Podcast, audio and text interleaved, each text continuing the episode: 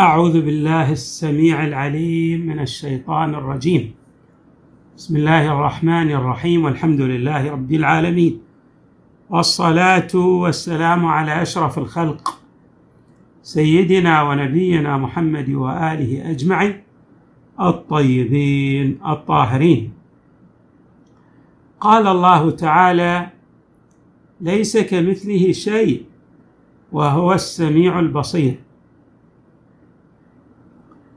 من المسائل الهامة في حقانية توحيد الله تعالى أنه تعالى لا يحل في الأشياء بمعنى أن الأشياء لا تكون مكانا له.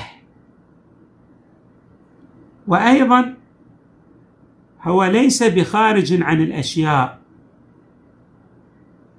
بمعنى أن الأشياء تكون بعيدة عنه بل أن الأشياء في وجودها متعلقة بقدرته تبارك وتعالى. هذه مسألة غاية في الأهمية وهي تأتي للرد على الأفكار التي يطرحها بعض الفرق من المسيحيين بعض فرق المسيحيين. وحتى بعض المسلمين أيضا كالمتصوفة يعتقدون أن مثلا أن الله يحل في العارف أو يتحد بالعارف بالله. الله تبارك وتعالى لا يتحد بأحد. نعم على نحو المجاز. كما في قولنا وما رميت كما في قوله تعالى وما رميت إذ رميت ولكن الله رمى. بمعنى أن الفعل الذي يصدر من العبد يكون هو فعل الله تبارك وتعالى يقدره ويشاءه. ولكن هذا المعنى لا يراد منه الحلول. بمعنى أن ذلك العبد الصالح هو مكان لله تعالى. الله لا يحل ولا يكون له مكان. لا يحل أو لا ليس له مكان.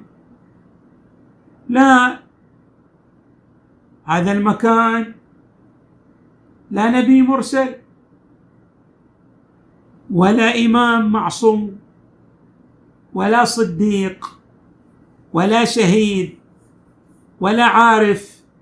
الله تبارك وتعالى لا يحل في شيء ولا يتحد بشيء. الاتحاد ممنوع والحلول ممنوع ممتنعان. ولعله قد اتضح هذا المعنى من خلال الأبحاث السابقة. لأن نفي المكان عنه معنى ذلك أنه لا يحتاج إلى مكان فلو كان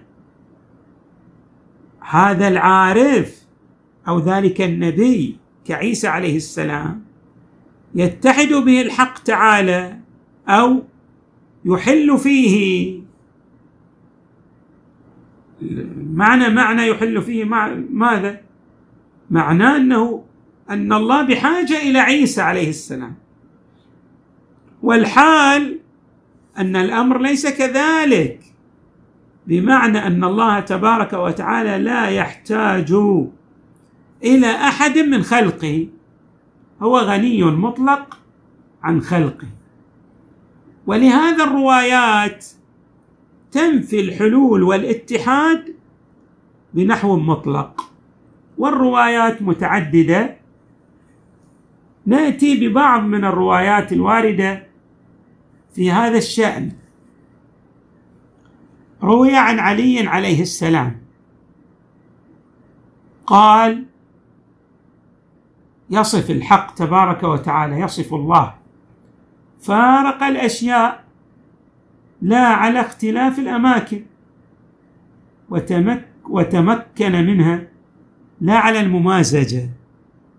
لاحظوا المفارقة والبينونة بينه وبين خلقه لا على نحو البينونة بين الأشياء مع بعضها. الأمر ليس كذلك. فارق الأشياء لا على اختلاف الأماكن. يعني هناك بعض الأمور اختلفت بأمكنتها أو في أزمنتها. أو في بعض كيفياتها هذه الأمور التي يكون الاختلاف بينها على هذا النحو الذي ذكرناه بالكيفية أو بالمكان أو بالزمان هذه أمور ممكنة. والحق تبارك وتعالى واجب في وجوده. فإذا لا يمكن أن تكون المفارقة بينه وبين هذه الأمور الممكنة على النحو الذي بين الممكن وسائر الممكنات الأخرى المغايرة له. ثم لاحظوا الإمام يقول إن هذه المفارقة ليس معناها ماذا؟ أن الله ليس بمتمكن من هذه الموجودات الممكنة. الله تبارك وتعالى هو هو الذي أعطاها وجودها. وأفاض عليها جميع ما تتمتع به من مزايا. ولذلك يقول وتمكن منها بمعنى أنه هو القادر عليها. لكن هذه المكنة منها والاقتدار عليها ليس على نحو التمازج. مثلا هناك من يتمكن من شيء على نحو الممازجة مع ذلك الشيء. والالتقاء معه في بعض الأمور فيتمكن منه. الله تبارك وتعالى متمكن من الأشياء وقادر عليها ولكنه دون أن يمتزج بها أو أن يتحد معها. وأيضا عنه عليه السلام. لماذا إحنا دائما نركز على الروايات الواردة عن علي عليه السلام؟ لأن آه، ذكرنا هذا المطلب أن الإمام عليه السلام أولى التوحيد عناية فائقة. لما للتوحيد من أهمية؟ هو سيد الموحدين. أيضا في هذه الرواية الأخرى يقول ولا أن الأشياء تحويه فتقله. يعني يصبح تحمله. أو تهويه الأمر ليس كذلك. أو أن شيئا يحمله فيميله أو يعدله. الله ليس على هذا النحو. اذا صف لنا الله يقول ليس في الأشياء بوالج. هو ليس بداخل في الأشياء فتكون الأشياء تحويه تشتمل عليه. فاذا الله ليس بوالج في الأشياء وليس عنها بخارج ولا عنها بخارج. ما معنى ولا عنها بخارج؟ يعني هو ليس بمنأى عن خلقه بحيث يكون الخلق له استقلالية دون الوجود الغني الواجب. الأمر ليس كذلك لأن الأشياء كما ذكرنا لا شيئية لها إلا باتصالها بالحق تبارك وتعالى. وأيضا عنه عليه السلام لم يقرب من الأشياء بالتصاق ولم يبعد عنها بافتراق. تعبيران دقيقان. الأول أن الله هو أقرب إلينا من حبل الوريد. لكن هذا القرب ليس بالقرب المكاني. هذا قرب معنوي بمعنى أن الله قادر علينا يحيط بنا دون أن نحيط به تعالى. ولذلك الإمام عليه السلام يقول لم يقرب من الأشياء بالتصاق هناك قرب بنحو الالتصاق بين المتقاربين. وأيضا الله تبارك وتعالى يقول لم يبعد عنها بافتراق. يعني بعده عن الأشياء. ليس بمعنى أن الأشياء مفارقة له.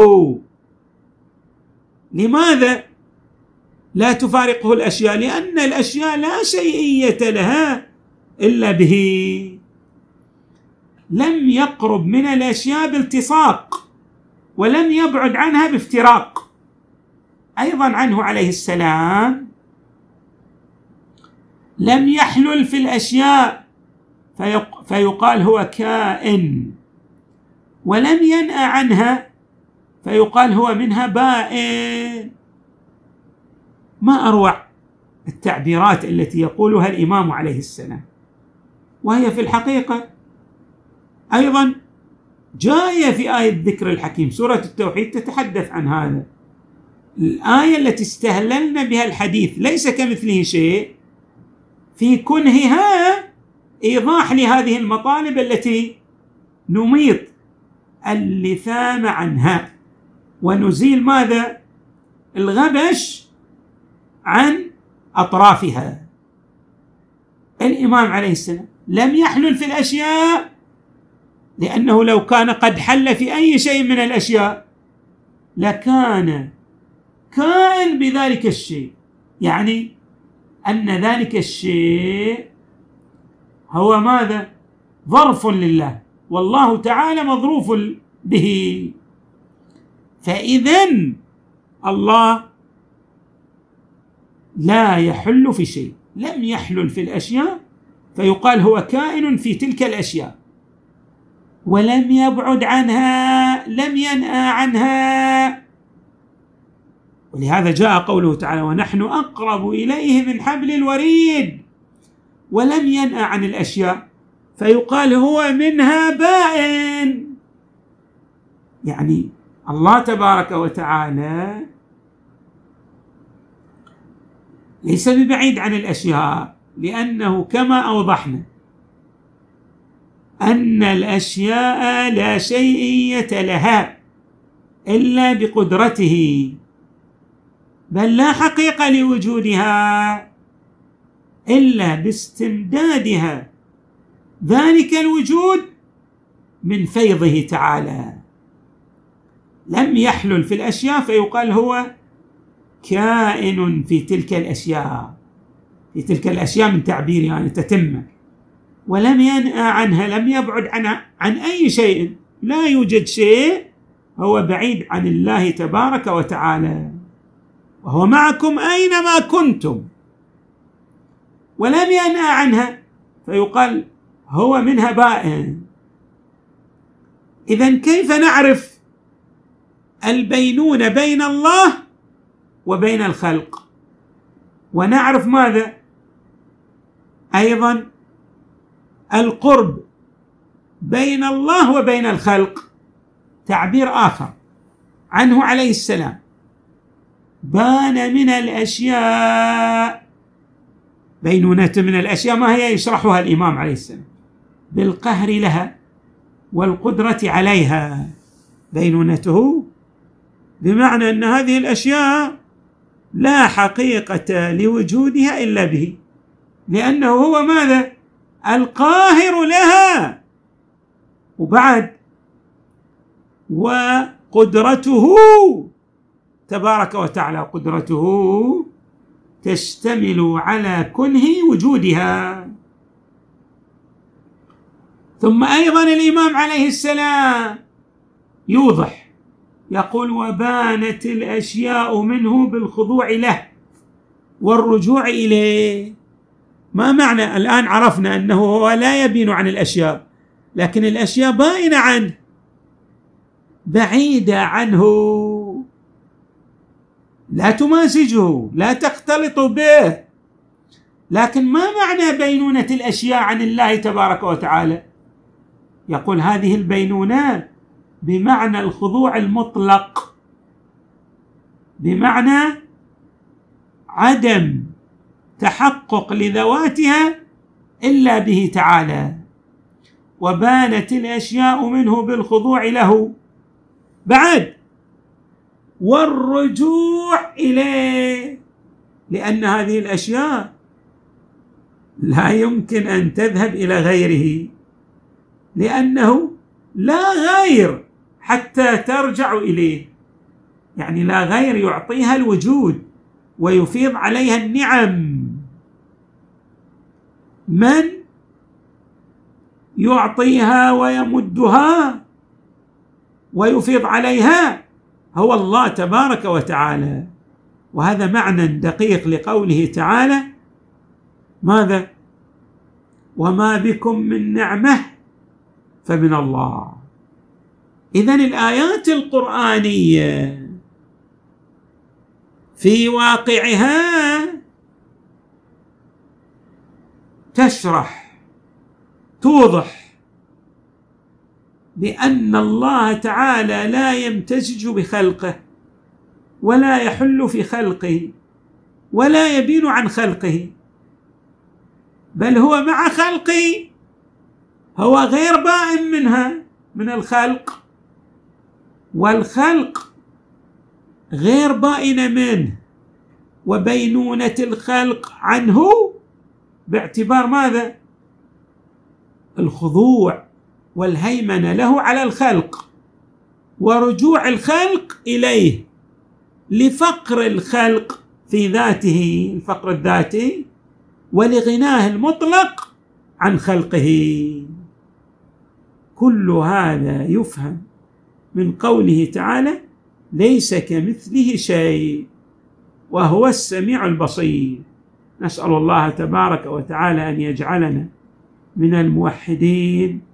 بحقانية التوحيد الخالص الذي جاء في آية الذكر الحكيم وأوضحه النبي صلى الله عليه وآله والأئمة من أهل البيت صلوات الله وسلامه عليهم أجمعين. الحمد لله رب العالمين. صلى الله وسلم وزاد وبارك على سيدنا ونبينا محمد وآله الطيبين الطاهرين.